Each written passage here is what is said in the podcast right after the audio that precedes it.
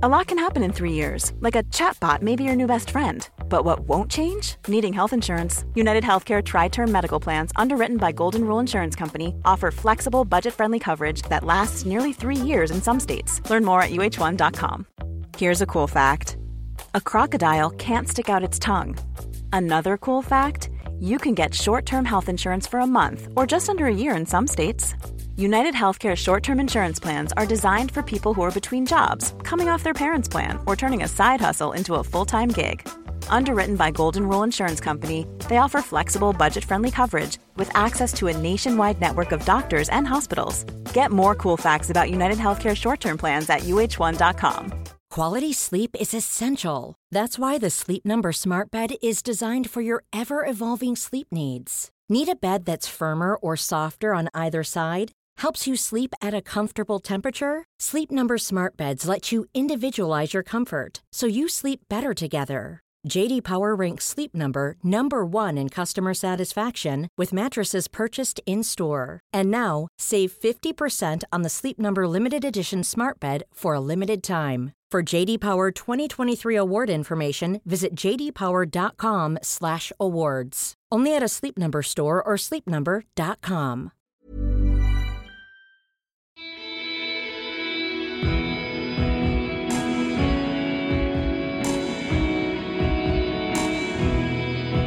Velkommen til Kaptare-podkast, episode fra Bergen. Det skal bli samtale med Marius Vevik. Eh, Pga. litt teknisk trøbbel så mista jeg begynnelsen av eh, introduksjonen som ble spilt inn før i dag, med Stig Rasmussen. Så jeg skal straks eh, sette over til den. Eh, akkurat her jeg sitter nå, så ser jeg faktisk eh, Puddefjordsbroen, skyene som driver over. Jeg ser også opp i Løvstien hvor vi løp parkrun. Men altså, her kommer eh, introduksjonen som eh, jeg spilte med Stig. Så håper jeg dere har det fint, og gleder dere til en eh, veldig fin episode med Marius Vevik. Stig Rasmussen til å hjelpe meg med introen. Takk for at du sitter her med Stig og loser oss gjennom eh, introduksjonen til Marius Vevik. Jo, vel bekomme. Eh, kjenner du til Marius Vevik? Det gjør jeg. Eh, men eh, jeg har vel ikke studert eh, hans meritter eh, sånn eh, inngående før, eh, rett før dette innslaget her. Men nei, han er en, han er en god løper som er på, på god vei og har fine mål for sesongen, og som ligger litt i, i det sjiktet med alle fremadstormende løpere jeg ser på vei, eh, som kan gjøre 2020 til et eh, bra løp overfor Norge. Mm, ja. Det tror jeg. Marius han eh, trener seriøst, det skal vi høre i intervju. Eh, men før det så kan vi jo si litt om eh, Bergen. Eh, jeg kom på fredag. du og jeg har dratt på den klassiske hytteturen. Så hvis det er noen som kommer til denne podkasten seint, så kan vi bare si at det første eh, episoden til podkasten eh, ble egentlig spilt inn her for rundt halvannet år siden, tror. Eh, det tok noen måneder før det ble gitt ut, men uansett, det var på en måte begynnelsen her. Eh, bortsett fra det lille intervjuet jeg hadde gjort i California med Sid Garza Hillman. Så var det Stig. Du har vært med et par andre ganger før. Vi løp eh, Bergen City Marathon her eh, i fjor. Eh, på denne tiden, litt på vårparten. Men i helgen har vi egentlig bare vært sosiale. Vi har løpt uh, parkrun i Løvstien. Vi har etterpå løpt uh, Mikeller Hva kaller du det? Det kan du forklare. Micheller Running Club-løp? Ja, Micheller Running Club avdeling Bergen sitt First Saturday Run, som er første lørdagen hver måned. Uh, fra Apollon uh, i Bergen sentrum klokken tolv. Mm. Så det er altså hver lørdag. Eh, den første lørdag i måneden. Ja, ja, det stemmer. Og så vidt jeg skjønner, så er det masse sånne klubber over hele verden. Stemmer det? Eh, ja, jeg tror jeg sist jeg sjekket, så var det vel 230 klubber eh, over hele verden, ja. Sånne McKella Running Club, eh, mm. løpeklubber. Mm. Ja. Og alle, alle har fast, i hvert fall eh, første lørdag i måneden. Det er vel det som er litt av deal, at det er det som er Du skal ha en sånn uh, første lørdag i måneden, og så er det mange som har andre mange som har løp, mange løp i løpet av uken, og det kommer litt an på hvem som er med i de klubbene, hvor dedikert de er, og hvor, hvor mye folk vil trene eventuelt i, Ja. i fellesskap. Ja. Men dette som er det som vi har, det er et rent sosialt arrangement som er åpent for alle, og for alle. lav- Veldig lav terskel, og eh, eh, ja, eh, det er egentlig mest for det sosiale. Ja, det vil jeg si. Det var, eh, det var egentlig veldig hyggelig. Vi hadde først uh, stukket herfra tidlig på morgenen. Uh, fikk i oss litt kaffe og mat og sånn. Og så uh, jogga vi opp til uh, Løvstien. Oppvarming, uh, bare oppoverbakker. og så var det en, mange var som dukka opp der denne lørdagen, rundt 25 kanskje. Ja, det kan stemme, det. Ja. Og så var det sånn kanskje på hengende håret at det ble faktisk eh, parkrun. For det hadde vært ganske isete. Det var fortsatt litt is, men det var sånn at det var, det var fint mulig å løpe. Men de måtte endre litt på den løypa. Så du som har løpt begge, hva vil du si, var dette var det en stor endring, eller var det ca. som vanlig? Eh, nei, det var omtrent som vanlig, men den ene det er sånn at vi løper to ganger 2,5 km og vender i hver ende av en løype. Og i den ene enden er det veldig bratt, og den Mm. bakken ble litt lengre som Mm. resultat av denne endringen. Så, uh, men uh, ja, det var like Jeg tror det var omtrent like mye høydemeter. Som, eh, og det er det som er utfordrende med den Europas tøffeste Ja. byparkrun, i hvert fall. Ja. Heidi Espedal, Uh, hun er jo sånn eh, race director for den, og hun sa at uh, hun pleier å si til, uh, til de som kommer at det er uh, Nord-Europas tøffeste løype, og det tviler jeg ikke på. Det var mye opp og ned, altså. Så det var bare å porsjonere ut. Vi så jo en turist som gikk ut knallhardt. la seg i teten der med han Stein Henrik, er det han heter? Mm. Eh, men klarte ikke å henge på, og datt lenger og lenger bak. Og jeg tror jeg passerte han til slutt, jeg. For det var virkelig noen tøffe bakker oppover der på slutten. Altså. Men allikevel, uh, vi klarte det på 21 minutt. Du på 21, litt over 21, jeg på 21,5, så det er bra, det. Det er ikke ofte jeg gunner det på parkrun, og når det er sagt, så trenger man ikke gjøre det. Man trenger ikke å dra på parkrun og løpe et race, liksom. Jeg må si at når jeg løper i Oslo, så tar jeg det som en rolig tur. Og hilse på litt folk og ta med min datter og sånn. Um, mens du pleier å bruke det som ukas tempoøkt, vet jeg. Ja, hvis, det er- ja, hvis det, det passer gjerne. Du får presset det litt ekstra i, Ja. i en tøff løype. Så det er Ja. ikke å løpe fem kilometer hardt, det er ganske Ja, det syns jeg er tøft. Så da er det greit å gjøre det sammen med Ja. andre. Så, ja, det er sant, det. det. er God start på helgen. Ja. Så ellers så har vi eh, hengt der ute på hytta. Vi har spist, vi har eh, drukket litt eh, vin, og vi har hørt musikk. Vi har løpt eh, ja, relativt lang tur i regnet. Jeg fikk kjenne litt på bergensværet, eller vestlandsværet. Jeg ser jo det når jeg løper her ute at uh, vegetasjonen er helt annerledes enn på Østlandet. Det er jo mose Det er jo så mye mose at uh, det er helt vilt. Du ser at det er konstant fuktig, så å si. Og, eh, men eh, så har vi faktisk, eller du klarte å få meg med på å bade i fjorden her. Eller kall det et bad. Det var et dypp. Det Jeg syns vi var tøffe. Ja, det var, Ja, det var eh, kanskje- Vi imponerte der, altså. Seks grader i fjorden. Ja, noe sånt. Så det var, men det var ti, ti i lufta. Åtte-ti i lufta. Så det var Men det var veldig forfriskende etter å ha vært litt sånn sliten av langtur og sånn. Og ned der Det er jo akkurat som å få Å restarte hele systemet på nytt. En boot, boot up. Så det, det kan jeg anbefale til flere. Altså. Det er bare å dyppe seg, og så kan du komme deg opp i Om du har en badstue eller komme deg hjem med en varm peis eller ta en varm dusj eller noe sånt, så er det ikke noe krise. Men eh, skal vi ta og høre på Marius, og så kan vi snakke litt eh, i avslutningen? Det skal vi. Men uansett, eh, hei Marius Vevik. Hei sann. Hei. Det er Marius. Hei, Marius. Ja, veldig flott navn. Hva, hva tenkte din mor og far når de ga deg det navnet? Nei, jeg vet ikke om det var noe spesielt, det. Men eh, et flott navn, ja. Det må det ha vært. Ja da. Og jeg eh, gikk i klasse med som Marius Hauk òg, faktisk. På videregående. Ja. Jøss. Så det Har han uh, flytta til Bergen også? Nei, han er fra Jølster, tror jeg. Ja, men Så han, han, han bor ikke her? Nei, Beskjed. her. Nei. nei. Men jeg tror det er en del ganske mange navnet. Ja, det er, eh, det er i hvert fall eh, noen, ser jeg. Det er en, en fyr som heter Marius Hauge som eh, Som var innenfor Innenfor politikk og noe kunst og sånn. Og det var en gammel dame en gang som ringte meg og lurte på om jeg var han. da Okay. Han gikk bort for noen år siden. Men uansett, du er fra Førde. Stemmer. Ja. Ja. Og nå har jeg fått vite at du holder med Sogndal, og ikke med Brann. Så er Ja, er- det stemmer òg. Jeg, eh, jeg har jo mor fra Sogndal, eh, og har jo sett mange kamper før. Ja. Så litt mindre nå siste åra, men eh, Nei, Brann, altså det Jeg har ikke veldig mye mot dem, men litt, kanskje. ja. Men det, det er jo sånn her på Vestlandet at uh, hvis du holder med Sogndal, så kan du ikke gå over til Brann. Nei, Nei, nei, nei, det går ikke. det går ikke.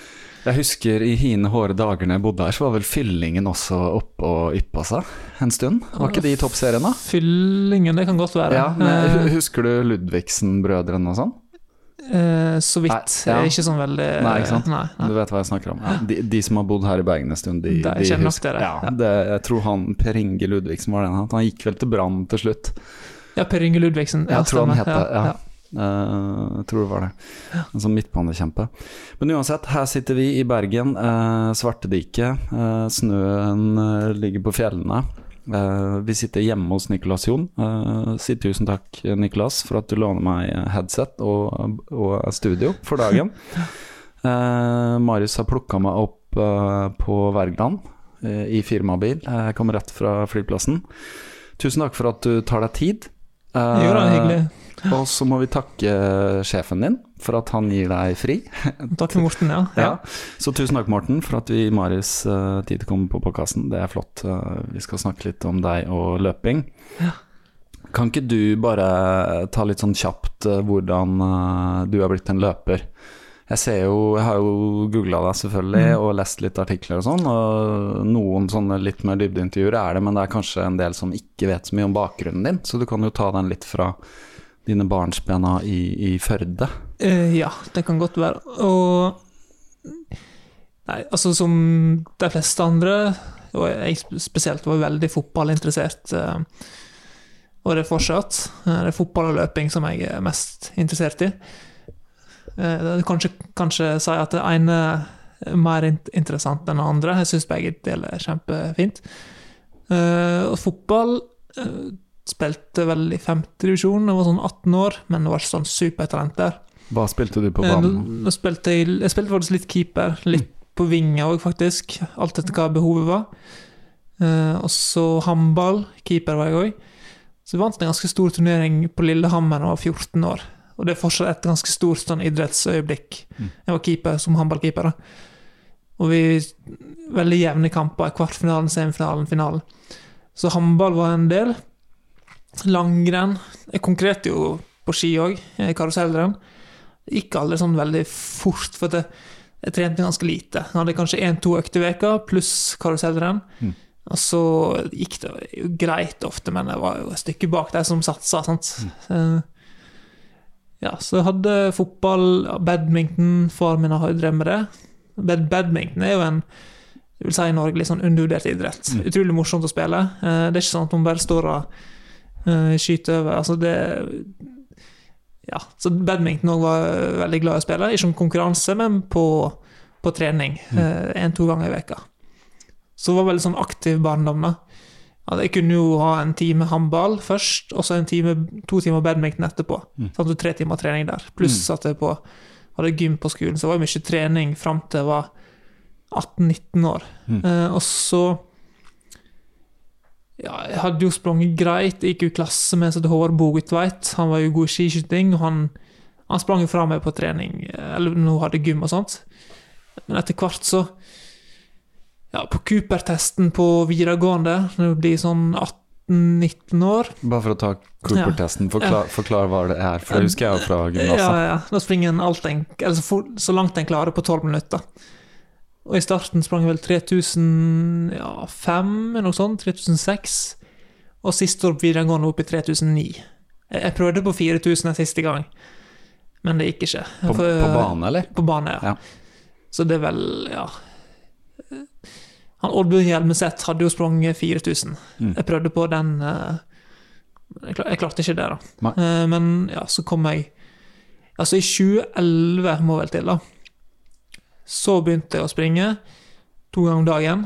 Eh, tidligere, i 2010 og sånt, hadde jeg sprunget en del ja, 10 km løp på sånn 37-21 på Rett Vest. Eh, Jølster sprang jeg på 35-30. Så jeg trente litt. Så jeg syntes det var kjekt og hadde et visst talent for det. Mm. Uh, og så i 2011 så tenkte jeg ja, ja, kanskje gi et forsøk. Um, kom jeg til militæret. Bare sånn stor stjerne der, for jeg sprang fort på 3000. 8,48 kom jeg ned på. Ja, for 3000 i militæret er jo sånn Ja, ja. Det, det, man, det husker jeg òg. Ja. Jeg klarte akkurat under 13 minutter, husker jeg. Som var et sånt krav, tror jeg. Ja, Ja. ja.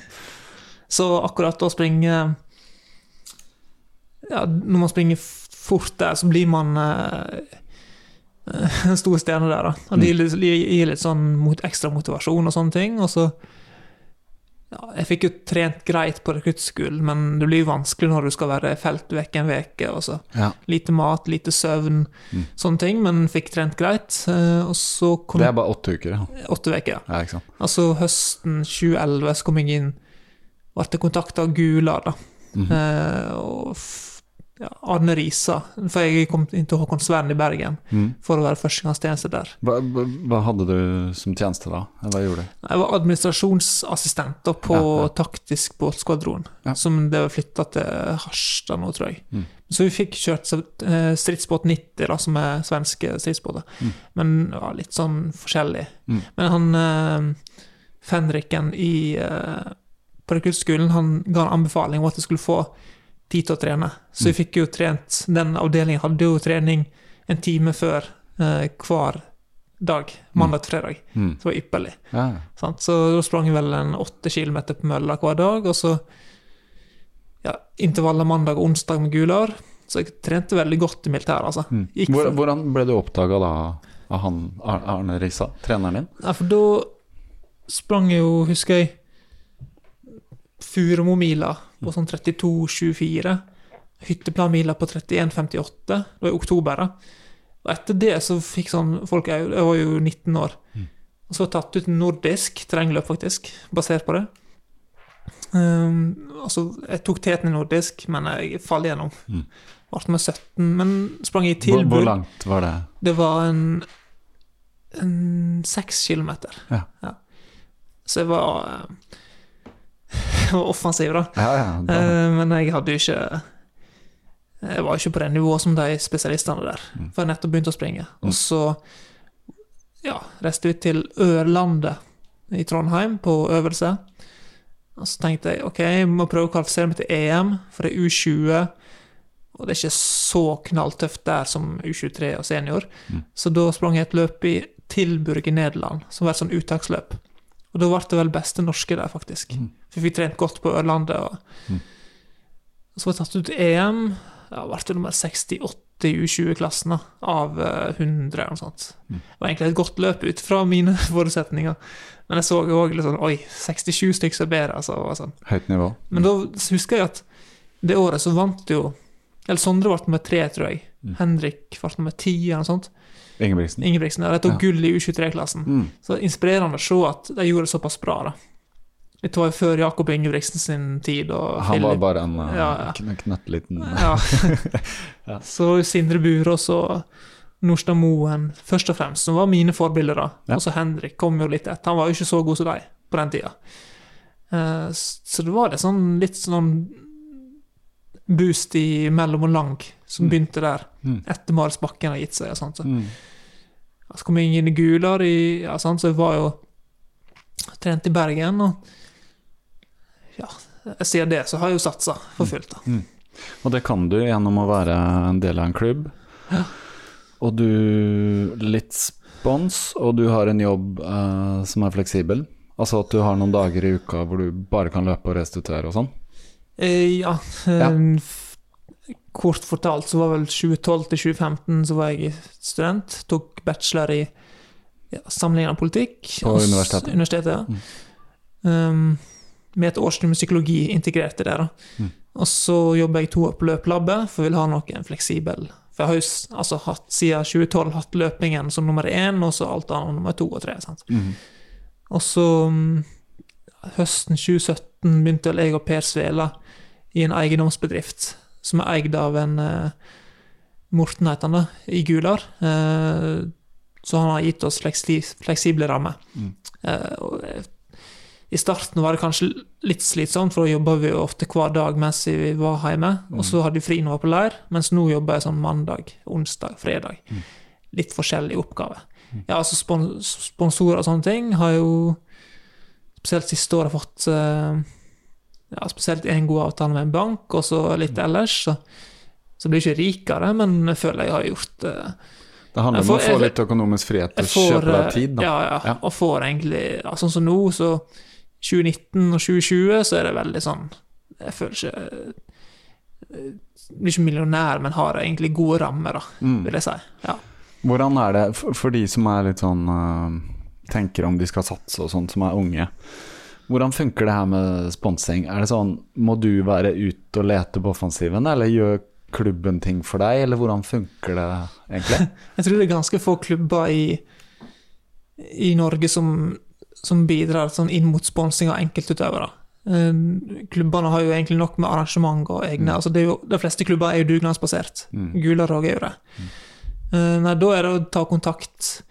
Så jeg fikk sånne små avtaler i starten. Sånn Altså, på en måte, jeg vil si det enkleste i verden, holdt jeg på å si, for utøvere, Mm. er jo sånn produktspons. Ja. For da kan man på en måte sende søknad til enten det er energidrikker, eller Mm. eller hva det er, eller barer. Det er veldig enkelt å få. Men sant, man kan ikke leve av det. Nei, nei. Så det er bare sånn sende mail, og så får man ja, i hvert fall Hvis man er litt profilert på Insta og springer greit, så får man ofte et ja, da. Men sånn ellers så er det jo banker og ulike større bedrifter, så, så er det jo bekjentskap. Klart Klart er det. Hvis man kjenner litt han eller hun, eller tar kontakt, avtaler et møte, eh, gi beskjed, OK, hva, begynner med hva kan, hva kan eh, den som utøver bidra til overfor Og det er jo sånn profilering og sånt. Og så logo på drakt, eh, sosiale medier, kanskje holde foredrag. Men det er sjelden det blir sånn med foredrag og sånt. Det, det har ikke blitt så mye av det. Har du gjort noe av det? eller? Jeg har holdt litt på løpelabbet, har jeg gjort. Um, Ja, for eh, jeg fikk med meg at du har jobba der òg, ja, Ja. det har jeg gjort. så du kan, øh, du kan, sånn- kan litt med sko og utstyr. ja. Ja. Men jeg føler det er vanskelig å holde foredrag, for hvis det er en gruppe på 10-20 stykk, så er det jo noen som har så stor forskjell i hva mål de har. Mm. Så det, å nå hele målgruppa kan være litt vanskelig. Mm. Ja, ikke sant. Jeg skjønner. Men i hvert fall, hvordan øh, sånn per nå, hva, hva er det du satser på egentlig?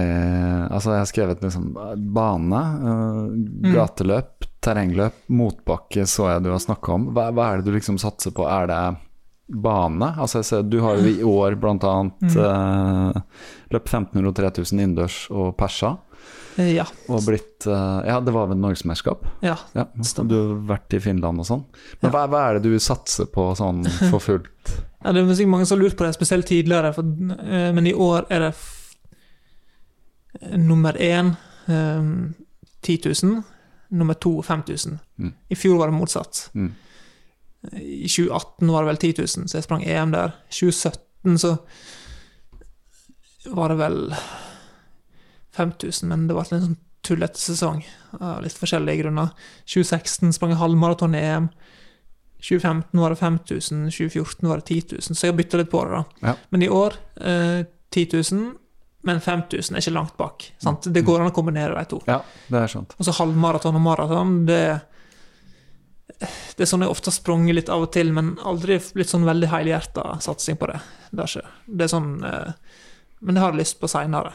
Mm. Jeg hadde egentlig tenkt å springe maraton i fjor høst, men så persa jeg med 16 sekunder på 5000 i mai i fjor, og da fikk jeg sånn motivasjon. Ok, jeg kan, jeg kan faktisk bli topp ti på bane i et EM. Mm. Det er realistisk. Ja.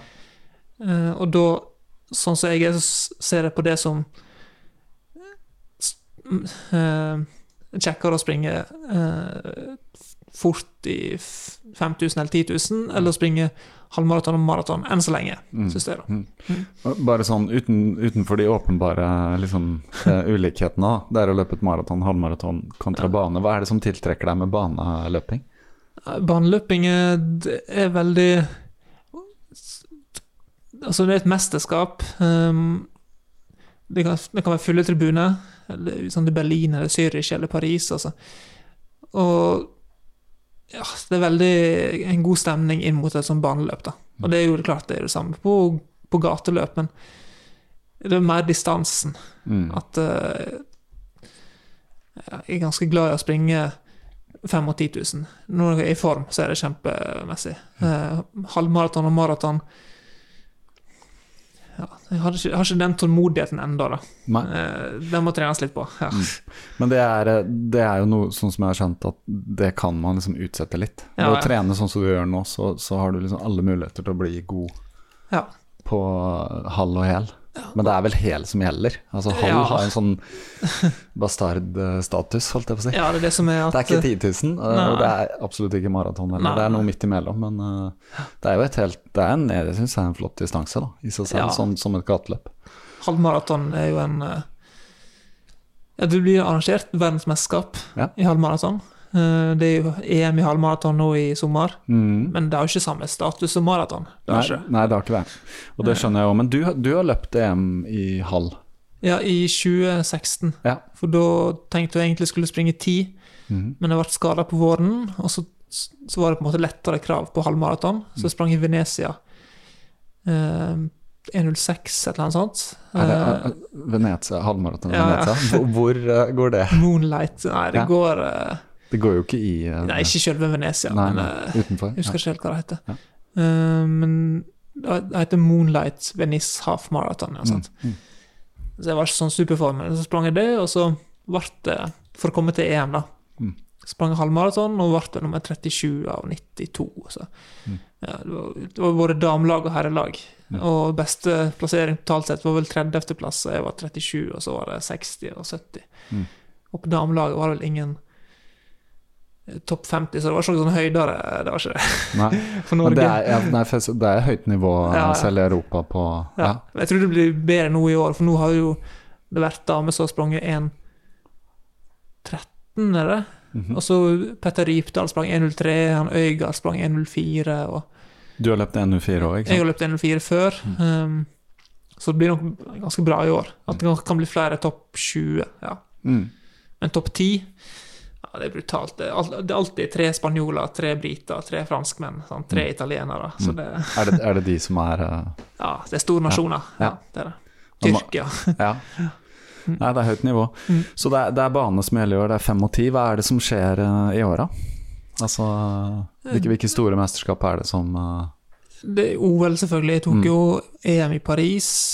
EM i Paris er mest realistisk. n- Når det er det første? Eh, Det er siste. Det er siste. OL er i juli og EM i august. Ja. Men det OL, eh, for at her må du klare noen krav uh, og sånn. Ja. Og de er beinharde. Ja. Eh, 13, 13 på 5 mm. og 27 er 40 på 10, Mm. noe sånt. Og jeg har sprunget 13, 29 og 28, 42. Ja. Så jeg ser jo på at Jeg har snakka med Sondre Nordstad Moen, han mener at basert på, på 5000-tida mi, 1329, så burde jeg springe under 28 på 10. Mm.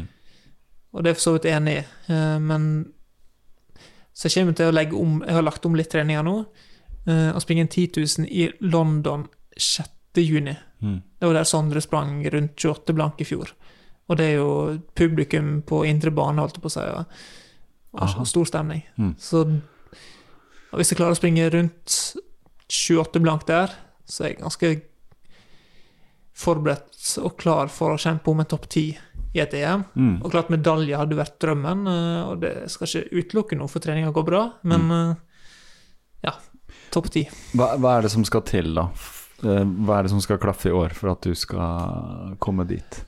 Nei, jeg ser på trening nå, så jeg har veldig sånn standardisert Jeg kan si kort Altså fra 2012 til 2017 så trente jeg jo ganske hardt. Eh, når jeg først trente hardt, eller intervaller, så var det at jeg ofte kunne legge meg ned etter økta. Mm.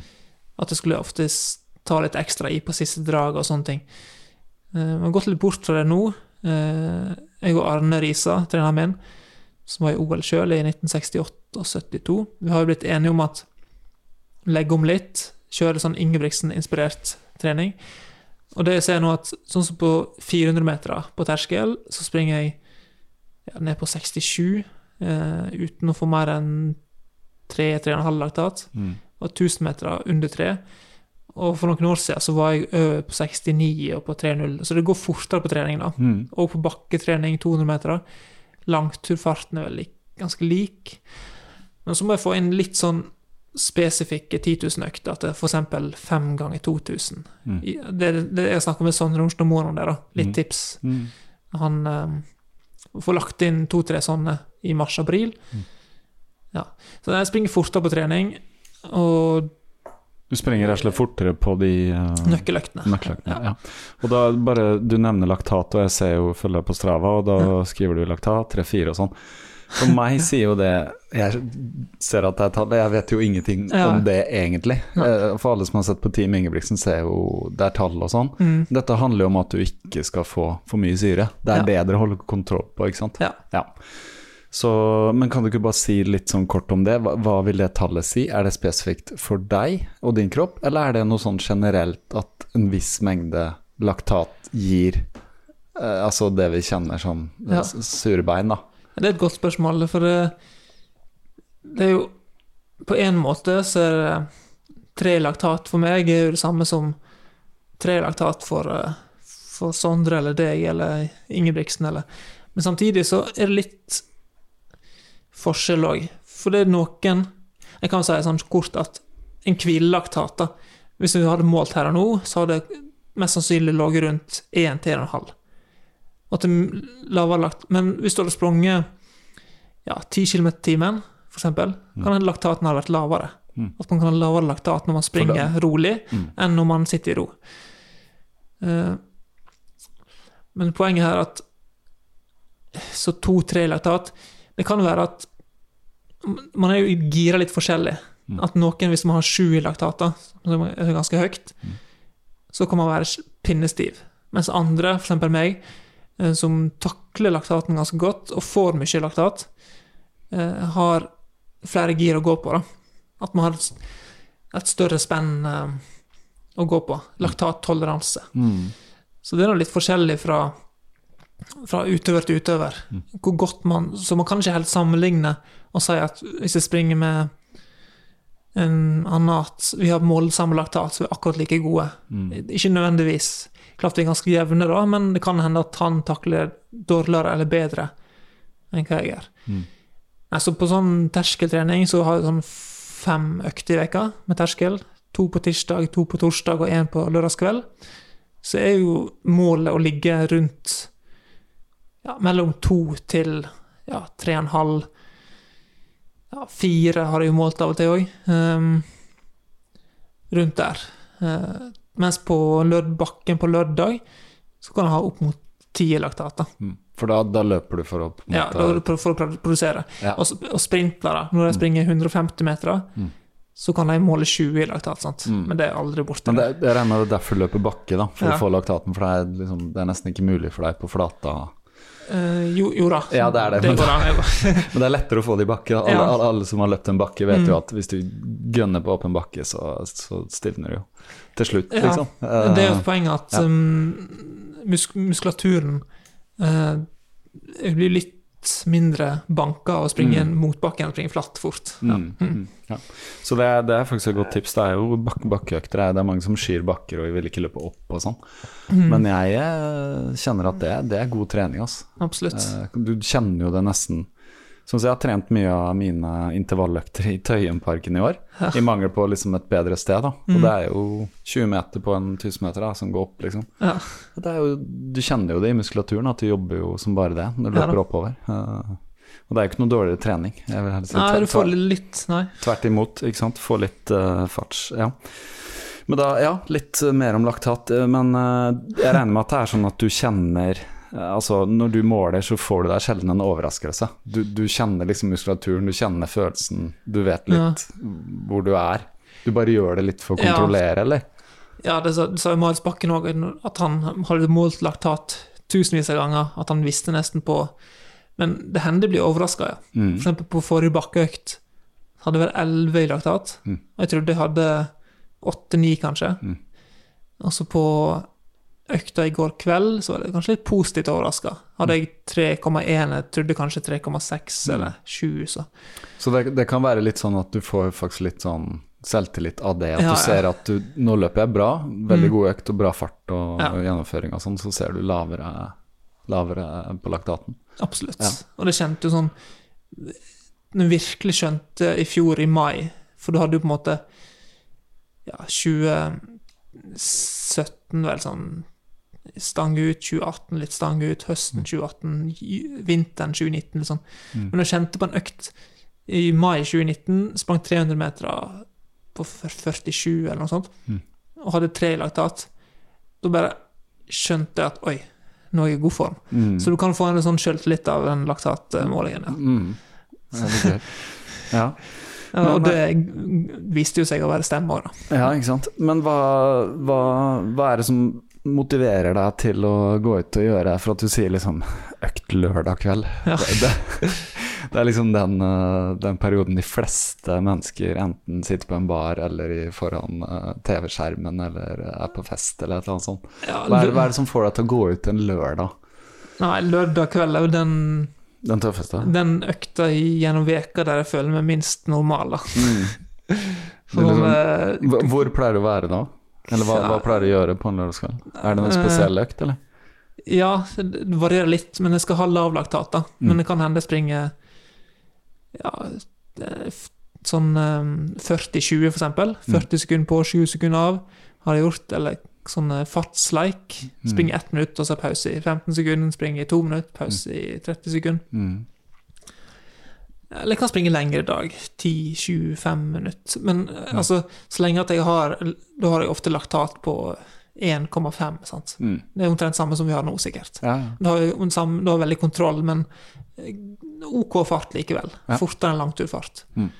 Så noe mellom langturfart og ja, halvmaratonfart, vil jeg si. Det er litt løsere. Men, Men er, men jeg skal svare på spørsmålet. Ja. Um, nei, da Klokka halv sju liksom på lørdagskveld eh, springer ut mot Lungårdsvann. Eh, vind og regn Eller det kan være ta, ta bussen ned på et treningssenter. Og så sitter OK, jeg, skal, jeg har liksom en en bag med meg, og treningstøy og laktatmåler, og så skal de andre sitte der eh, og sminke seg og skal på fest. Ja, da, akkurat sånn, da føler jeg meg litt sånn uh, unormal, da. men da, da er du liksom topp topp idrettsutøver. Ja, altså. Motivasjonen er jo Ja, det er jo jobben min, sant, så Mm. Men klart jeg er jo mer motivert nå enn hva jeg var for to år siden. Mm. Fordi at det henger litt sammen, fordi det går så bra på trening. Mm. Altså nå Ja, det, hver økt går bra nå, da. Mm. Siden midten av januar. Så du blir motivert av det òg. Men det jeg regner med at du har i hodet noen ganger Du ser for deg, du snakka om det der, ikke sant, trøkket på indre bane og sånn. Mm. Du, du lager vel noen sånne bilder i hodet ditt at du løper på banen, og det må være et mål, ikke sant? Du har Ja spesifikt 5 og 10 000. Mm. Er det riktig? sånn som jeg Ja, tenker ja. At du ser for deg på en måte Det er jo plasseringer du er ute etter, og Ja, ja. tider, og du vil, du vil videre. Ja, ja det, det, det må være det som driver deg, egentlig. Ja, absolutt. For ja. på 10 000 så har jo sprunget for Norge tre ganger. Mm. U23-EM. Ble med 14 i 2014. eh, Og så i Berlin så gikk kjempetungt. eh, Så jeg har jo en motivasjon om å, om å få det ut skikkelig, da. At, det liksom, at jeg kan få en sånn 13-29-dag i et EM. Mm. Altså, motivasjonen er jo liksom at alt klaffer i et EM. Mm. Opplever kanskje iallfall 10 av det Warholm og Ingebrigtsen får oppleve, Ja. liksom. Men, men, I det, ja men, men du tenker det er realistisk for deg at du kan ta en medalje i et EM? Altså, du, er det, kan du si at det er et mål? Sånn Jeg tror det, de fleste utenom meg sjøl har kanskje ikke trua på det. mm. Men jeg ser nå Jeg klarte å springe 13,29 i fjor. Eh, så dårlig som jeg var i januar, februar. Um, OK i mars, da. Du snakka om i fjor? Ja, i fjor, Ja, ja. Og så ser jeg hvor mye bedre jeg er nå. Mm. Så ser jeg at medalje, ikke nødvendigvis i år, men kanskje. Altså, jeg, Mm. jeg ser på det som um, en mulighet, da. Mm. Men jeg tror det er veldig få andre som gjør det. Men, eh, og det er virkelig mulig, altså. For den treningsrytmen som er nå, er det som så mye bedre enn hva jeg har hatt før. da. Mm. Ja. Ja, men det er bra. Det høres uh, positivt ut. Ja. Men så hadde du Du nevnte EM 2018 10 000 meter. Ja. Tøft. Veldig tøft. Hva, hva skjedde der? Hva hadde vært en tøff treningssesong, eller? Du kan fortelle litt om hva som Ja. skjedde, da. Du, du ga på hang med Jeg leste litt om det nylig, skjønner du. Eh, Fem, fem runder hang du på. Ja. Og så hva, hva skjer da? Så kjenner du at det, du har ikke det Ja, det, jeg kjente det på um, Den historien Vi kan ta litt Jeg tok jo krav i april allerede, mm. på 10 000. Og så trente jeg 5000, 1500, 3000 etter det. Alt gikk jo egentlig greit. Jeg sprang ikke så fort på trening som jeg gjør nå, da, men likevel at jeg skulle få et gjennomført et godt løp. Og så reiste jeg til St. Moritz i juli. Jeg ble sjuk der. Eh, Jeg trente altfor hardt der, da. Det må sies. Eh, hang, hang du på Henrik Ingebrigtsen, eller? Nei, Nei. eh, jeg bare jeg du, du var der med Jeg så en liten post på Instagram. eh, Virka som du og han og Ja, andre i fjor for- gjorde jeg. Ja, Ja, ja. Men da Jeg var jo ganske jevn med Henrik på trening Ja. i fjor. Ja. Men um, Nei, jeg gjorde jo tåpelige ting. Og på lørdag og masse laktat. Søndag springer 25 km langtur. Mhm. Høy puls på slutten. Mm. Søndag Det er en indikasjon på at kanskje ting ikke er helt ja. så- og så mandag Mm. masse laktat. Tungøkt. Mm. Tirsdag eh, rolig. Onsdag intervalløkt. Og da kjenner jeg nesten at i halsen at jeg, jeg måler høyt på sånn 3-10-fart, eh, Mm. som for min del skal være lavt. da. Mm. Men sant, det er jo én ting, og så blir jeg sendt på isolat. Og så kommer vi tilbake igjen til Førde, trener litt der. Mm. Så kommer jeg i OK form. Men så er det 30-35 grader i Berlin, da. Mm. Og kroppen min takler ikke det så godt. Men du sa sendt på isolat, var du ble syk? Ja, ja, jeg var syk Ja. Ja. Hvordan syk ble du da? Altså, Jeg våkna opp med en hals som Ja. Uh, Ja, det var det, det som skjer når Altså, det skjer jo Det kan skje alle. Det kan skje Ja. en mosjonist som Mm. meg, liksom. Ja. At jeg pusher for hardt. Uh, altså, det, det er sånn livet generelt, da. mm, Sove for dårlig og kjøre økter selv om du ikke burde det og sånn. Og så da bryter man kroppen litt ned, og så blir man jo mye mer tilgjengelig for Ja, ja. virus og bakterier og sånt. Så da blir man syk. Absolutt. Ja. Så det, det, det er det du sier med Når du sier tåpelige ting, så er det fordi at da har du pusha deg litt for mye over en periode, som gjør at du Ja. Men greit, så ja, det Altså, det Ja, nei, da er det jo Når man trener så hardt som det der Jeg tror um, Ja, sjøl Nordstad Moen skulle liksom fått uh, Hadde nok blitt sliten av det opplegget der, sant. Mm. For det, jeg tenker liksom at nå er det endelig min tur, nå skal jeg trene hardt, og ja, tar det med ro etterpå, men det funker jo ikke det. Altså, du du kanskje brekker ett bein, og så skal du ja, jeg kan springe med det andre beinet. Det funker ikke, det. Sant? Så. Men så kom jeg til Berlin, altså på morgenøkta. Ja, Treninga gikk greit etter sykdommen, hadde en gradvis progresjon. Mm. Mens på morgenøkta, den dagen jeg skulle springe, sprang jeg to kilometer, sånn ganske sakte. Kjempehøy puls og tung. Og. Mm. Men så blir det sånn, samtidig litt sånn dumt å bare Nei, jeg vil ikke springe. Jeg må gi det et forsøk. mm. Ja, for hva, hva, hva tenker du da? For du kjenner jo deg selv så godt at når du løper der på morgenen, Mm. og du kjenner kroppen her sånn, Ja. da vet du at det blir tøft på banen. Ja, ja. Jeg skal springe på Olympiastadion. Ja. Karsten Warholm sa jo det, at uh, Olympiastadion er jo som London og Bislett Games i ett, liksom. Mm. Uh, så jeg hadde liksom sett for Ok, men det kan jo Det kan jo skje et mirakel. Det kan jo det. Og så baserte jeg 3000 på 8.38, som er rundt uh, persefarten min, da. Men så slipper jeg jo. Mm. Og så siste 15 rundene så er jeg jo for meg sjøl. Mm. Og så mor og far var jeg og så på. Eh, Jeg kunne jo gitt meg, eh, men jeg gjorde ikke det. Jeg fullførte og ble Jeg tok nesten innpå han var nest sist òg. Jeg var 20 sekunder bak han. Mm. Det var et fryktelig løp. Altså, det er jo Det er jo ikke Ja, tatt, tatt det med én runde, og så tatt det med to runder, og så Mm.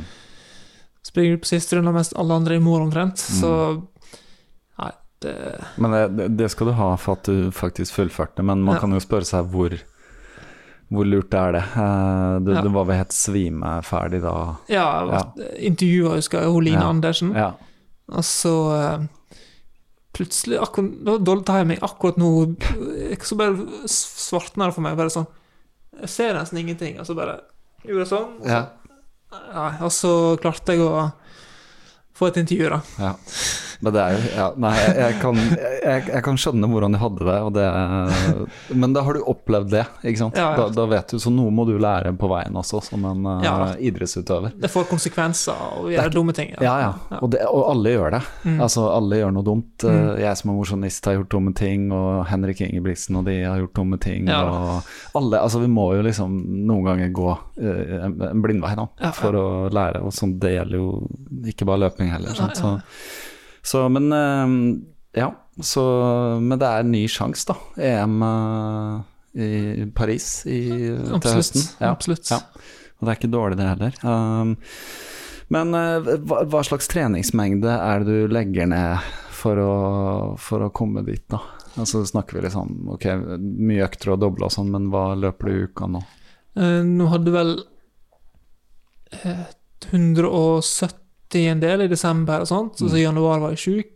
Så bygd opp mot 160, litt sånn innendørsløp, så blir litt mindre. Men Mm. siste ukene har vel hatt ja, 150, 173, 181, og så nå 190 ca. Og så får jeg sikkert en uke til med 180. Så jeg prøver å ligge på 180 i snitt. Og da, er du sånn som legger all treningen ut, eller? Du er på Strava, men legger du Mm. alt ut, eller er det Ja, deler av det? Jeg legger alt ut, ja. Ja, ja. Så de som vil, kan bare følge deg der? Og, Ja. Du er ikke noe sånn Det er ikke noe hemmelig hva du Nei, driver med? det var en Ja. liten periode da jeg var sjuk i eh, januar rundt der. At Mm. jeg ikke la ut noe, for da var jeg så eh, var jeg så tung og ja, Ja, og da blir man litt sånn faen. seks kilometer på Ja, eh, lav fart og høy puls. Og, 36 minutter. ja. ja. Ja, nei, jeg skjønner, jeg skjønner. Jeg, Nei, jeg legger ja. Klart. Han Henrik Ingebrigtsen han mente at At det kanskje burde Men for det man kan bli negativt påvirka av sånn som Strava, at man Ja. på en måte trener for følgerne sine, og ikke for seg sjøl. Mm, mm. Men jeg trener jo bare sånn som jeg ellers ville gjort. Altså, jeg springer den og den økta, måler den den laktaten, og så Så det er ikke noe sånn Og nå er jeg såpass systematisk at jeg gjør alt sånn Mm. riktig og sånt, og da eh, Ja, man, jeg jakter ikke noe segment og sånne ting. Nei, nei. Det, det er en feil man kanskje kan gjøre. Akkurat det må jeg si meg enig i. Hvis, hvis, du, hvis jeg legger et 1000-meter-drag til der det er et segment, Mm. så er det gøy å sammenligne med seg selv, men uh, ikke med andre. Og. Nei. Det vil jeg si til alle på Strava. Det er ikke noe, altså, men det, jeg tror det har roa seg litt i forhold til hvordan folk bruker det nå. Ja. Fordi Men jeg føler jeg forstår Jeg kan liksom forstå det, det meste til en viss grad her, men at folk Jeg skjønner ikke et segment. Altså, jeg skjønner liksom ikke greia med det i det hele tatt. Jeg Nei, sliter altså. med å forstå det. Ja, nei, det, det, du, du får nå en medalje, en virtuell medalje. Ja. Nei, altså du kan lage Jeg lager jo segmenter eh, for Ja. moro skyld, for Mm. å måle meg sjøl. Mm. Ja da, det skjønner jeg. Ja, da, Så, så det er gøy Mm. hvis du sier til sånn Altså hvis du er en kompisgjeng som Hvem kan ta det segmentet? ja, ja. Så er det som en konkurranse, ikke sant? Mm. Altså, men verdien i det er jo ikke noe annet enn man lager det selv. Så Nei, sånn sett er jeg jo glad for at jeg ikke jakter sånt. Da. Nei, det, nei det, altså du er jo på en måte profesjonell, så du må bare fokus på det du skal gjøre. Uh, men ved, i, i forbindelse med sykdom som, som skjer oss alle, hva, hva gjør det med deg å liksom måtte stå av noen dager eller opptil en uke eller noe sånt da? Det, får du, blir du nei og nei, liksom? Eller aksepterer du det som en del av uh, en stor syklus, en treningssyklus, la oss si et år da, eller Ja, en det er litt- eller? Verre om det skjer om sommeren enn om vinteren, da. For da skal jeg jo konkurrere. Nei, det er jo det er jo kjipt, det, altså. Du blir satt tilbake. For som i desember, så var jo ja, nesten så god form som jeg er nå. Ikke så langt ifra. Eh, Men så kom jeg til januar, da, så var jeg sånn sjuk, og så blir du satt tilbake. Mm. Og springer du tre-fire sekunder senere på 400 meter, ti sekunder senere på 1000 meter enn før. Mm. Det er, sånn, det er jo kjedelig, men jeg kan ikke grave meg ned heller. Sant? Så Nei. prøver bare å gjennomføre det jeg skal uansett. Mm. Ja. At jeg legger ikke skjul på at det er kjedelig å bli sjuk. At noia prøver jeg ikke å få. Prøver Nei. å ha litt sånn kontroll og Mm. ja, gjøre ting riktig. Men du, du, du forstår at du må liksom Du gir deg Altså du står over noen nøkter og sånn. Du går ikke ut og prøver å fullføre ting Nei, likevel? Nei. sant? Nei, hvis jeg er skikkelig sjuk, så er det bare å roe. roe Ja, ned. ja. Bare glem det. Bare vær hjemme og slappe Mm. av og ja. Ja. Spis og drikk, liksom. Ja. Nei, jeg, jeg kjenner det selv, jeg, fordi noen ganger så er jeg sånn Jeg også er eh, Jeg har ikke de måla du har, men man har jo alltid et mål, ikke sant. Et løp Ja og sånn, så vil Mm. man gjøre det bedre, og så kjenner man da at det er et eller annet virus, og så lurer man på Skal jeg gå ut og gjøre den økta eller ikke? Og altså Jeg har jo ingen som veileder meg, så det er Mm, liksom ja. Ja, så man, det, det er antagelig en del som tenker litt på det der. Eh, Ja. Skal man gjøre det eller ikke? Men eh, jeg får, vil jo si sånn at det er nok lurere å stå over for sikkerhets skyld. For du får jo ikke noe igjen for den økta hvis du er syk. Du Nei, kan bli verre, liksom. Og, Ja. Det er klart, trening er jo generelt sett nedbryting, men når man Mm. er sjuk, så er det jo ja, Det er bedre å ta en fridag for mye enn for lite. Ja. Det det. Og heller komme, Og- komme tilbake når man er Så heller, får man trene bra når man er frisk. Ja, ja, ja. Ikke sant. Men er det noe Du trener mye, men er det noe Du er i Gular, er det et miljø der hvor dere løper mye sammen? Uh, på økter og sånn? Ja, Gular det er en Ja, jeg bor på, på Gularhuset Ja. i, i, i Sandviken. Mhm. Så vi er jo en del der trener sammen. Mm. Og reiser på treningsleirer sammen med, med flere. Mm. Eh, Så klart, på intervallene, så på, på bakke spesielt, da, på lørdag, så er vi en del spillere som springer sammen. For det blir ikke så store avstander. Det blir kanskje to sekunder. Mm. Mens på 400 meter og 1000 meter så er det såpass stor sprik i nivå at det, at det ikke er så Vi er der samtidig, men uh, ikke samme, samme Det er sånn at du bytter på å dra. Mm. Men Per Svela, som jeg har trent med i flere år, vi har jo reist mye sammen på USA, Sør-Afrika, St. Moritz. Mm. Vi har jo trent mye sammen. Og på morgenøkt eh, ja, i 7-8-tida så kan vi være tre-fire stykk. Mm. Eh, Men det er jo litt ja, forskjell. Noen springer jo fire blank på langtur, sånn som jeg gjør. Og så har Bjørnar Lillefosse, han, han er virkelig god på trening nå, da. Mm. Han var vel nummer tre nå på NM eh, bak meg og Per. Han sprang 8.02. Mm. Det er jo Det for er snart 3000. 3000, ja. Og han er Han er jo bedre enn meg på trening nå. Eh, har ikke vært i konkurranse ennå, men vi eh, Ja, hva skal jeg si? Kort oppsummert, ja, vi er flere som trener sammen, men det er òg litt sånn Man må tilpasse litt eh, Mm. eget nivå. Og, Mm.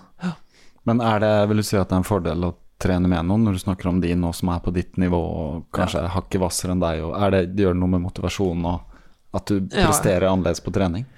Ja, for jeg har opplevd nå at Ja, jeg springer jo fort sjøl nå på trening fortere enn før, men så ser jeg samtidig at det er andre i klubben som springer enda fortere. Mm. Du blir sånn trigga av det, og så har du Ja da. Absolutt. Eh, Og det er jo, er jo gode kompiser samtidig som vi er, venner, vi er konkurrenter. da. Mm, mm. Men det er, det er bra med miljøet, da. Det er det. Eh, er det noe sånn eh, Det er lokalt, men i, i Norge, sånn som du Mm. Så vidt jeg forstår, så har du trent med Henrik Ingebrigtsen og de. Har du, hvordan er liksom er, det et miljø der også, på det nivået dere er på? Dere som er liksom i EM og kan liksom komme til store internasjonale ting? Er det kontakt, og er det liksom ja, ja. det er det. Og sånn som um, ja, Ing Henrik og Philip har snakka mye med dem. mm, Så jeg, jeg føler nå er det sånn at jeg trenger liksom ikke å spørre dem noe, for jeg veit nesten hva svaret er uansett. Mm. Ok, hva ja, det, det er alltid på det at jeg har kon kon konkurrert mye, uh, og da sier jeg sånn ja, du må konkurrere mindre. Mm. Uh, trent hardt, ok, du må trene litt mindre hardt, men, men sant? det er de gode, veldig gode på Det er veldig mye mengde på alt. De springer 170-180 hver uke. mm, De har den laktaten, veldig mye høy fart, men ikke sånn at de legger seg ned etterpå. Så det er jo den kontakten med dem har jeg jo hatt på treningsleirer i St. Moritz, i Sør-Afrika, i USA. mm, At du kan ete lunsj med dem, mm. middag med dem, Mm. ta en kaffe med dem. sant? Så det har vært Så Snakker dere mye, mye fag da? Altså løpe?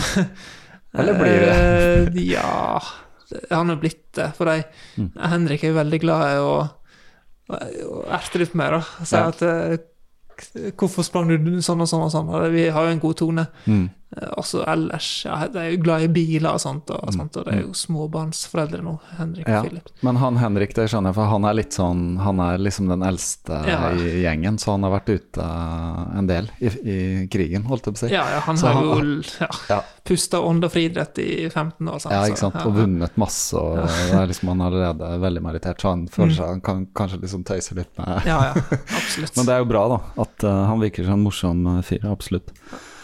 Så ja, treningslære. Eh, Niklas sa forresten at du må fortelle en historie når du skulle til Sør-Afrika nå eh, sist. Hva som skjedde der? Uff, ja. Fortell, eh, Marius. ja.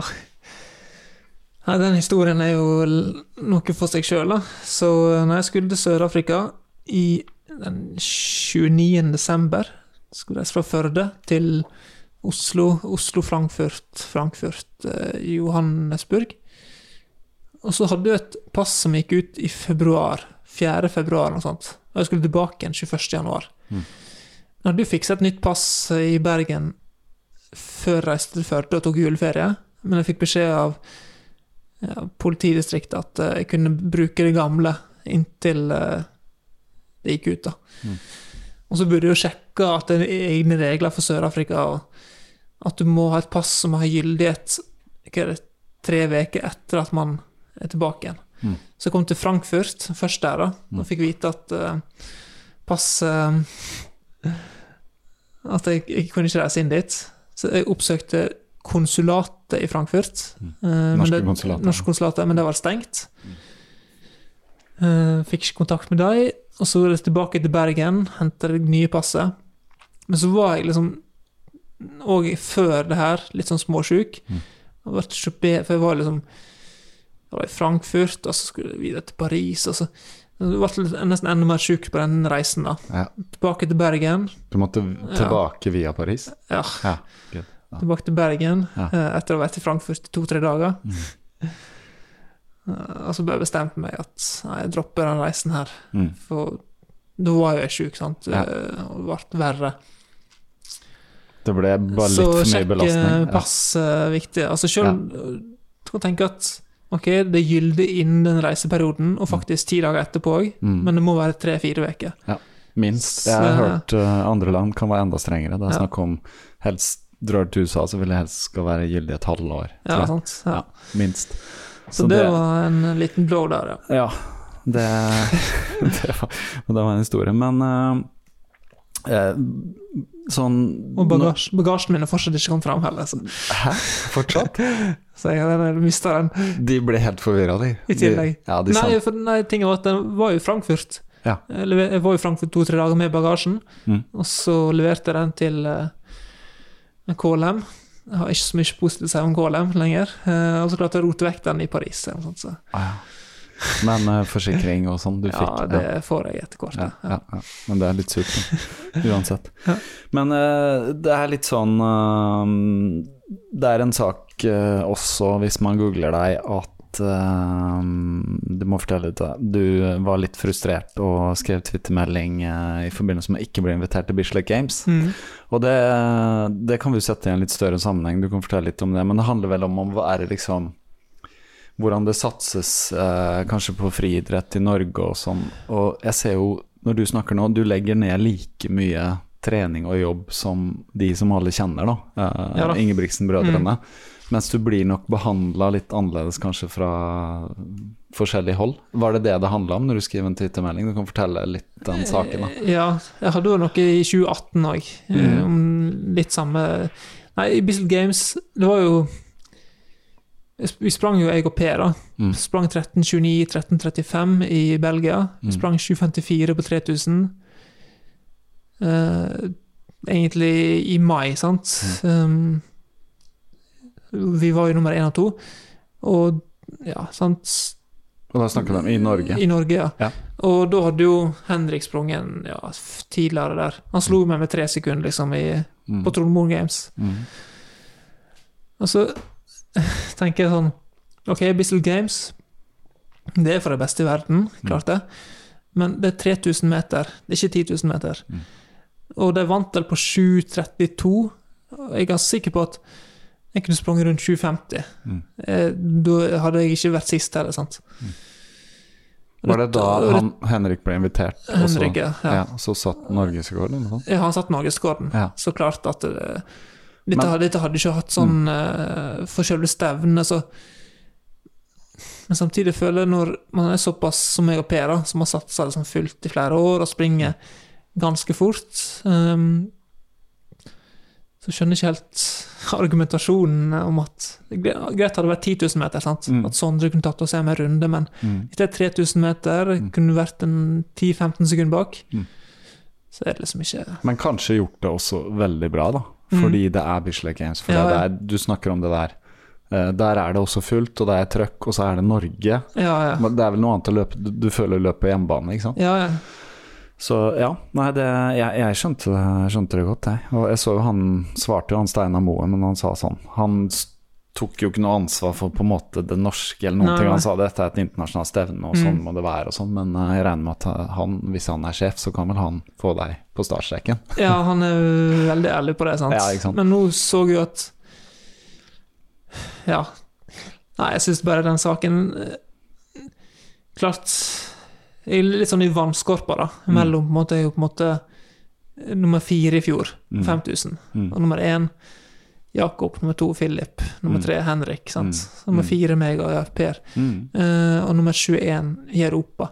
Mm. Og sånt at det er jo en sånn mulighet det vi kan få for å vise oss fram sant? og springe et godt løp. og Mm. God trening fram mot senere mesterskap. Mm. Og det er jo sånn til senere generasjoner òg, som kommer opp på samme nivå som meg. Det blir jo folk som klarer det, sant. Og så skal de videre òg ned mot verdenstoppen. Så trenger man litt backing fra flere hold, da. Mm. Jeg tenker jo på Eh. det. Det er, liksom, det er veldig fokus på de som er eh, best, da. Ja. Eller også liksom Er det ikke Det fokuset som blir på de nest beste, er liksom ikke Det er ikke noe forhold mellom det. Det, det, det blir så innmari sånn fokus på Men det er jo også media som elsker liksom enere og, Ja, ja, ja. og sånne ting. Så men verden er jo ikke full av enere, liksom. Altså, Nei, nei, men jeg er jo superfan av Warholm og Ingebrigtsen Ja, ja, helt og, klart. Men samtidig, hvor interessant er det å se ti kenyanere springe på 7,40, liksom? Altså det, Mm. det kanskje hadde vært kjekt å se um, noen flere nordmenn òg. Det hadde det. det helt og jeg ja, Og særlig når eh, Altså det er signaler som du snakker om til fremtidige generasjoner, eller de kanskje som hører på nå som er yngre også, at liksom Man kan ha en drøm om å bli best, men liksom det er jo mye Det er mye realisme òg, selvfølgelig. At man kan innse at man blir kanskje aldri verdensmester, da. Men det må Mm. være lov å liksom holde på med det, Ja selv om du ikke skal bli OL-mester eller verdensmester. Absolutt. For hvis- Absolutt, ja. For at ellers så Ja, kan vi ikke rekruttere, nesten. For at uh, å satse på ditt nivå krever jo enormt. Jeg skjønner Ja det, med tid og mentalt, liksom. Nei, Jeg har jo ordna det på en måte godt sjøl nå for min egen del, da. Og Mm. har jo på en måte ja, litt sånn hverdag som mange langrennsløpere sikkert har. Mm. Eh, Jeg tror det er flere der som har litt å gjøre på av og til. Mm. Eh, Men da Ja, men, i, men det er sikkert 100 langrennsløpere Mm. i Norge som lever av idrett, da. Mm. For det har eh, sant? Selv om de blir nummer 50 i NM, Mm. sant? så har de likevel aksept for å holde på med. Jeg Hvor- håper at vi kan få enda mer av det i, i Norge òg. Ja. Mm. I, I friidrett, I friidrett, i løping. Ja, ja. Hvorfor er det sånn? Hvorfor er det så Altså, jeg har ikke noe imot langrenn eller noen ting, men jeg er ikke interessert i det egentlig, for å være helt ærlig. Nei, nei. Jeg var det litt før, men det handla om at liksom Norge har alltid vært så gode, og det var så gøy å se på Mm. når vi vant og sånn. Mest på 90-tallet jeg var opptatt av dette, men, eh, men jeg, jeg syns jo det er kult, og jeg har jo innmari tro da, på at uh, Norge kan fostre utrolig mye gode løpere. Absolutt. Og det virker som det skjer noe også, liksom. ja, nå er det ja, Jeg tror i 2020 nå det kommer til å bli har hørt de tidene folk springer på på trening, Mm. uh, som er rundt mitt nivå. Mm. Og det kommer til å bli uh, all time high, altså. Ja. For du har Henrik, du har Philip, Mm. Jakob, Sondre sant? Ja, ja. Det er helt store sjukt. navn, til og med Sondre er jo skygger i Norge, nesten. Sant? ja, Og han er jo eh, blant Europas beste gjennom tidene. Mm. Så det mm, Det er veldig Og du og du har sant, nå fire, fem til, seks, sju til som er bra i Norge. Mm. Så jeg tror i år kan bli skikkelig bra. Mm. Så vi burde nesten hatt et team etter hvert, da. um, For oss, for oss men um, det er jo klubbene som fortsatt drifter det, da. Men det kan nok skje ting, og det kan Ja. nok tenkes Ja, ja. eh, større også. Ja. Absolutt.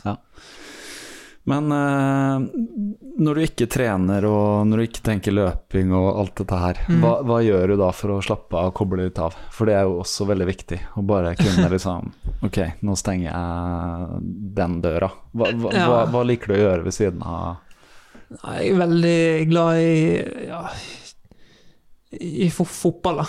Ja. Det. Så det blir å se fotball Ja, mye fotball, og så er det litt mer Men at når jeg er i Bergen og jobber og sånt, og ja, det, med, med andre på huset, ser Mm. fotball, sant, og Mm. så er det jo ja, litt uh, Sånn fest og sånne ting er jo lite av, da. Mm. Men jeg liker å være sosial uh, i helgen, da. Kan jeg spørre, er du helt avholds i forhold til alkohol, eller? Nei, Nei. det er jeg ikke. Men det er moderat, regner jeg med? Ja, det kan være sånn Ja, for eksempel på en lørdagskveld. Mm. At jeg kan ta meg en øl, liksom. Mm. Uh, ikke i sesong, da, men fra oktober til eh, mars eller noe sånt. Så. Mm. Ja. Men fra mars til oktober? Eller da, ja, det mindre det, ja. ja, ja. Nei, så mm, det er jo et godt spørsmål. Jeg er jo skikkelig sånn ja, Det er jo løpingen sant, som er prioritet, sant. Mm. Eh, Jeg er ikke sånn som Sondre Nordstad Moen, som eh, Så ekstrem er ikke jeg, men eh, jeg han, han bor liksom i en treningsleir. ja, ja. Ja. Nei da, men jeg er glad i fotball, og så er det kompiser og litt uh, Ja, nå, kommer, nå får vi servert uh, litt påfyll av kaffen fra Nik Niklas her. Di Diskré. Men det går bra. Vi er liksom uh, Ja. Har, har du noe eh, Vet du hva, jeg skrev ned, men jeg, jeg, kom ikke på det norske ordet. Har du noe vices? Altså, hva, hva er det på norsk igjen? Altså, du vet ting som er sånn Nesten ikke lov til å si uh, hvis du er idrettsutøver. Hva hva er vices på norsk? Uh, vet du hva jeg mener, Niklas? Ingen måte. Nei. En vice? Vet dere ikke hva det er? Altså, eh, du sa noe som en, slags guilty pleasure, eller? Ja, en guilty pleasure. Har du noe er det? Ja, Noe du gjør som eh, du kan si på lufta, eller er du Oi, oi. Hva gjør du på når du løper? Hva hører jeg på? Nei, jeg hører ikke på Nei, jeg ja, hører, hø Hører du på musikk? Det kan Ja, spørre når jeg springer på mølle, ser jeg det. ja, ja. Eller podkaster, sa du Guilty pleasure jeg er veldig glad i, i søtsaker, da, som sjokolade og Ja. sånne ting, men eh, ja. Det må bli det, liksom. Små, smågodt. Men sånn ellers eh, Nei, det Jeg kan ikke dele alt heller. Nei, nei da. Det er alt, alt hva du har lyst til å dele. Men, ja, men det er det er liksom Man kan man tre, Du lever ikke bare på gulrøtter og liksom uh, fisk og, og grønnsaker og sånn. Ja, Det, det er litt Man kan unne seg litt. Ja, jeg føler jeg har et godt kosthold nå. Eh, Mm. Det var ikke så bra for to-tre år siden. Nei. Men nå er det sånn, får jeg sånn middag, eksempel ja, laks og litt wok og litt sånn. Mm. Lunsj når jeg skal, og ja. Ja. Men sånn på kvelden når vi er ferdig med middagen, da, så kan det hende jeg stikker på Joker liksom, og kjøper meg en uh, chips eller Ja. noe sånt. Så det, ja. Altså, det, når du løper så mye og forbrenner så mye kalorier, så må noen av de kaloriene få lov til å komme fra chips eller sjokolade, liksom. ja, ja. Det, det må det. Det er ganske mange man uh, brenner, ja. Men du, jeg tror eh, Ikke det at vi er i noe sånn tidspress, men nå har vi eh, Jeg kan ikke se hvor lenge vi har holdt på, men jeg tror vi er sånn på timen eller noe sånt, jeg. Jeg vet da faen, jeg klokken Ja. halv ett nå. ja Den er cirka halv ett det, ja. Jeg har gjort mitt, i hvert fall. Ja. Så eh, si tusen takk for at du Jo. satte deg ned med meg, eh, tok deg tida. Eh, takk til Niklas igjen. Og eh, har, har du noe siste du har lyst til å tipse om? Eh, en god film, en god plate, en god podkast, et eller annet sånt? Favorittsnop, det. Favorittsnop? Oi. Ja, det er vel Mentos. Mentos, ja. Ja, nei, men igjen takk ja, Niklas Jon her for at du får sitte her. Jeg håper han blir fort eh, skadefri, og at du, han springer fort til eh, høsten, når Ja. han kommer i gang. Så Han- det er bra. Vi har jo samme trener òg nå, så. Jeg har hørt det. Han eh, Han eh, Ja, Favorittfilmen er Top Gun, da. Det er Top Gun, ja. Den er, ja. den er nydelig. Kom, Den er kommer det ikke en toer, forresten? Ja, ja. eh, Skal, skal det skje? Top Gun 2? Jeg hørte rykter om det. Ja. Nei, det vet ikke jeg, men eh, den har jeg sett flere ganger, Ja. faktisk. Så den er nydelig. Eh, Den er faktisk nydelig. Jeg husker den fra den var ny. Vi får sette den på når vi skal på treningsleir. Vi skal Ja. på treningsleir sammen i slutten av måneden. Strandebarm, ja. Ja. Ja, ja. ja. Strandebarm. ja, det er nede i Hardanger. Ja. Har ikke vært der, men Marius, du har vel sikkert vært der? Ja, mange, det har vært NM terrengløp der i 2017, for eksempel. Ja. Og i 2012 var jeg sprang der òg. Ja. Og det har vært Strandebar Hardanger friidrettsfestival. Nei, så det er sånn Der er det faktisk det er en fritidsbane, det har et sporthell der. Eh, Sverre Sørnes har fått kongens fortjenestemedalje. Mm. Han har jo vært i OL sjøl, sant. Mm. Ja. Eh, Konkurrent til Arne Risa, vår trener. Ja, ja. Så vi skal dit sammen, ja. Kult. Mm. Skal måke snø på, eh, på løpebanen der, her, og ja da. Det er masse løgner og vitser på slutten der på Det, bare, bare for å nevne, siden Nicolas er her, det var vel en liten chat på uh, i en Strava-kommentar eller noe sånt, hvor du mente at det var litt eh, At du hadde prøvd å henge på Marius her, at du er skada. Kan det stemme? Nei, jeg, jeg, tar, jeg tar kun 90% av skylden for Ja, det. det var altså. Ja, ja. Ja. Det det eh, jeg tar 10 av eh, skylden for at jeg har blitt proff. Ja, ja. Eller han har 10% av skylden for at jeg Han- har blitt litt proffere. Ja, ja, ikke sant. Men du, er også, du holder vel også på å lære noen lekser nå eh, her, Niklas? Om hvor grenser går og så videre? For kropp og alt mulig? Ja, Ja. Nei, på ingen måte. Nei, men jeg er ikke langt unna. Det kommer snart. Kommer snart igjen. Men med det eh, lille digresjonen der, så tror jeg vi sier eh, takk for oss fra studio eh, Svarterike, kan vi si det? Yes. Takk igjen, Marius. Adjø. Og, og lykke til i år. Vi følger, vi følger deg og krysser fingra. Takk for det. Ja, det var uh, samtalen med Marius uh, som uh, Den skled jo litt ut på slutten her når Nicolas kommer og, og, og skjenker litt kaffe. Det, denne ble rett og slett spilt inn på kjøkkenet til Nicolas og Heidi i Svartedik i Bergen, men eh, det var bare morsomt, det. Eh, hva syns du, Stig? Var det interessant å høre på Marius prate og fortelle litt? Det var eh, absolutt interessant. Eh, veldig eh, gøy å høre litt om eh, ja, en som har eh, vært veldig god, og som har kanskje møtt litt motgang, men som gjør justeringer og, og satser og har eh, virker som har en veldig bra motivasjon mot å klare, klare sesongens mål. Ja, jeg var uh, imponert, og vi får jo på en måte en innsikt av at det er jo Det er lite hokus pokus, det er lite glamour. Eh, det er rett og slett å, å trene jevnt og legge inn økter og lære seg å justere underveis, om det er sykdom eller småskader eller reiser som ikke går som de skal, eller, eller sånn, men det er jo sånn det er i livet. Jeg syns det høres ut som Marius nå begynner å få den erfaringen han trenger, også, for å for å ta det lille steget videre. Nå øh, var det vel det han sa, at øh, nå er det EM-krav som gjelder, så han skal løpe i, i London, så vidt jeg forsto. Og det vil jeg tro går fint, hvis treningen går bra. Ehm, men øh, ja, øh, vi kommer til å følge med Marius. Nå, nå var det litt småprating der også. Jeg må bare korrigere meg selv øh, at jeg kalte Per Inge Ludvigsen for Per Inge Ludvigsen. For hva heter han egentlig, Stig? Bare så vi har det på det reine. Han heter Per Ove Ludvigsen, og så hadde han en lillebror som het Inge Ludvigsen. Begge spilte på Fyllingen og Brann, men Per Ove han var ikke midtbanespiller. Han var de to andre tingene du kan være hvis du spiller ute. Han var enten stopper eller spiss. Ja. ja, Men eh, ja. Han var en av de som ble brukt der. Men eh, ja, så de som husker han, det, det var jo en Branns eh, Var vel en slags storhetstid der når de spilte for Brann. Det var, bra, det var gøy å gå på stadion når Ja. de kom til Brann fra Fyllingen til slutt, ja. Og Ja. eh, Brann gjorde litt bra i Europa og sånt. Eh, ja. Mm. Går du eh, på stadion og ser Brann eh, nå for tiden, eller? Du og jeg pleide å gå litt når jeg bodde her, for moro skyld. Uh, det var gøy. Det var sånn jeg ble interessert i fotball, med å bli tatt med på Brann stadion og 20 000 og Rosenborg og topp stemning. Går du og ser det, eller? Innimellom? Nei, det blir blitt veldig sjelden. Jeg prøver å ta med ungene eh, en gang i året. Ja. Men eh, nei, det blir, det blir litt lite Nå, nå dessverre så er jo det òg eh, fra 20 000 mot eh, Rosenborg, så er det vel noe sånn eh, på slutten av fjorårssesongen 3005 eh, oppmøtte tilskuere. Så det er ikke Ja. den samme, samme stemningen. Men eh, det er jo gjerne resultatet av personer som meg da, som ikke går. Ja. Så eh, Ja, det er det at alle har fått eh, Alle kan ligge og bare streame engelsk fotball og ligge på sofaen isteden. Uh, kan ha noe av skylden, kanskje. det tror jeg nok, ja. Ja.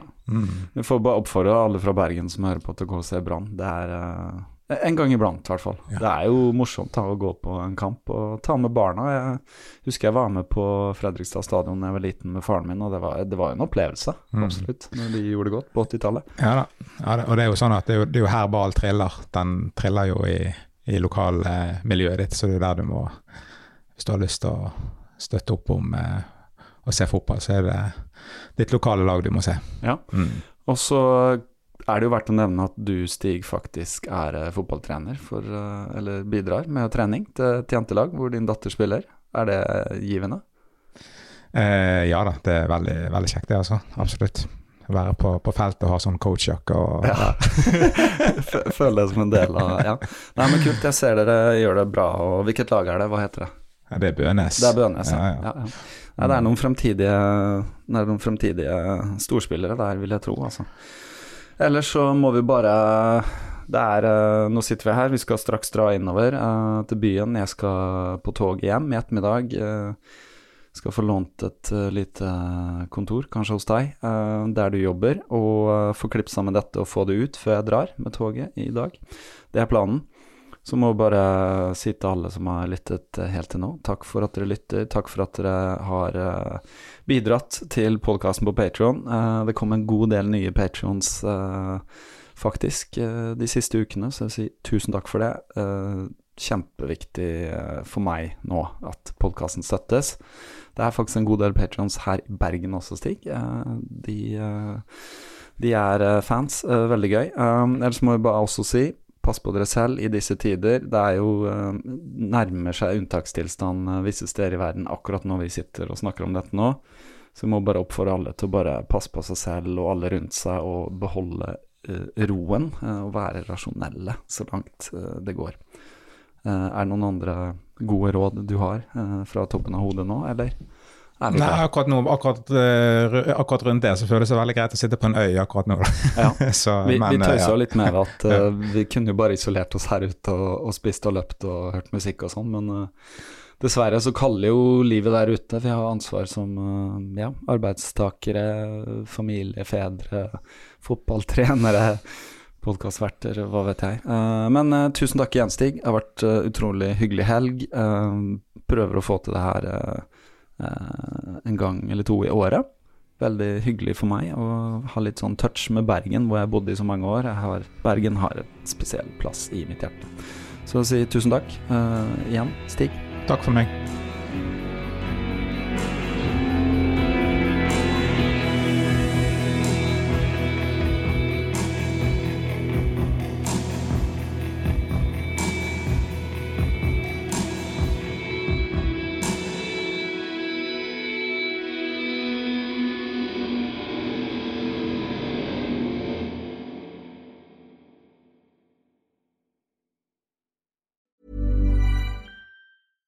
Ever catch yourself eating the same flavorless dinner three days in a row?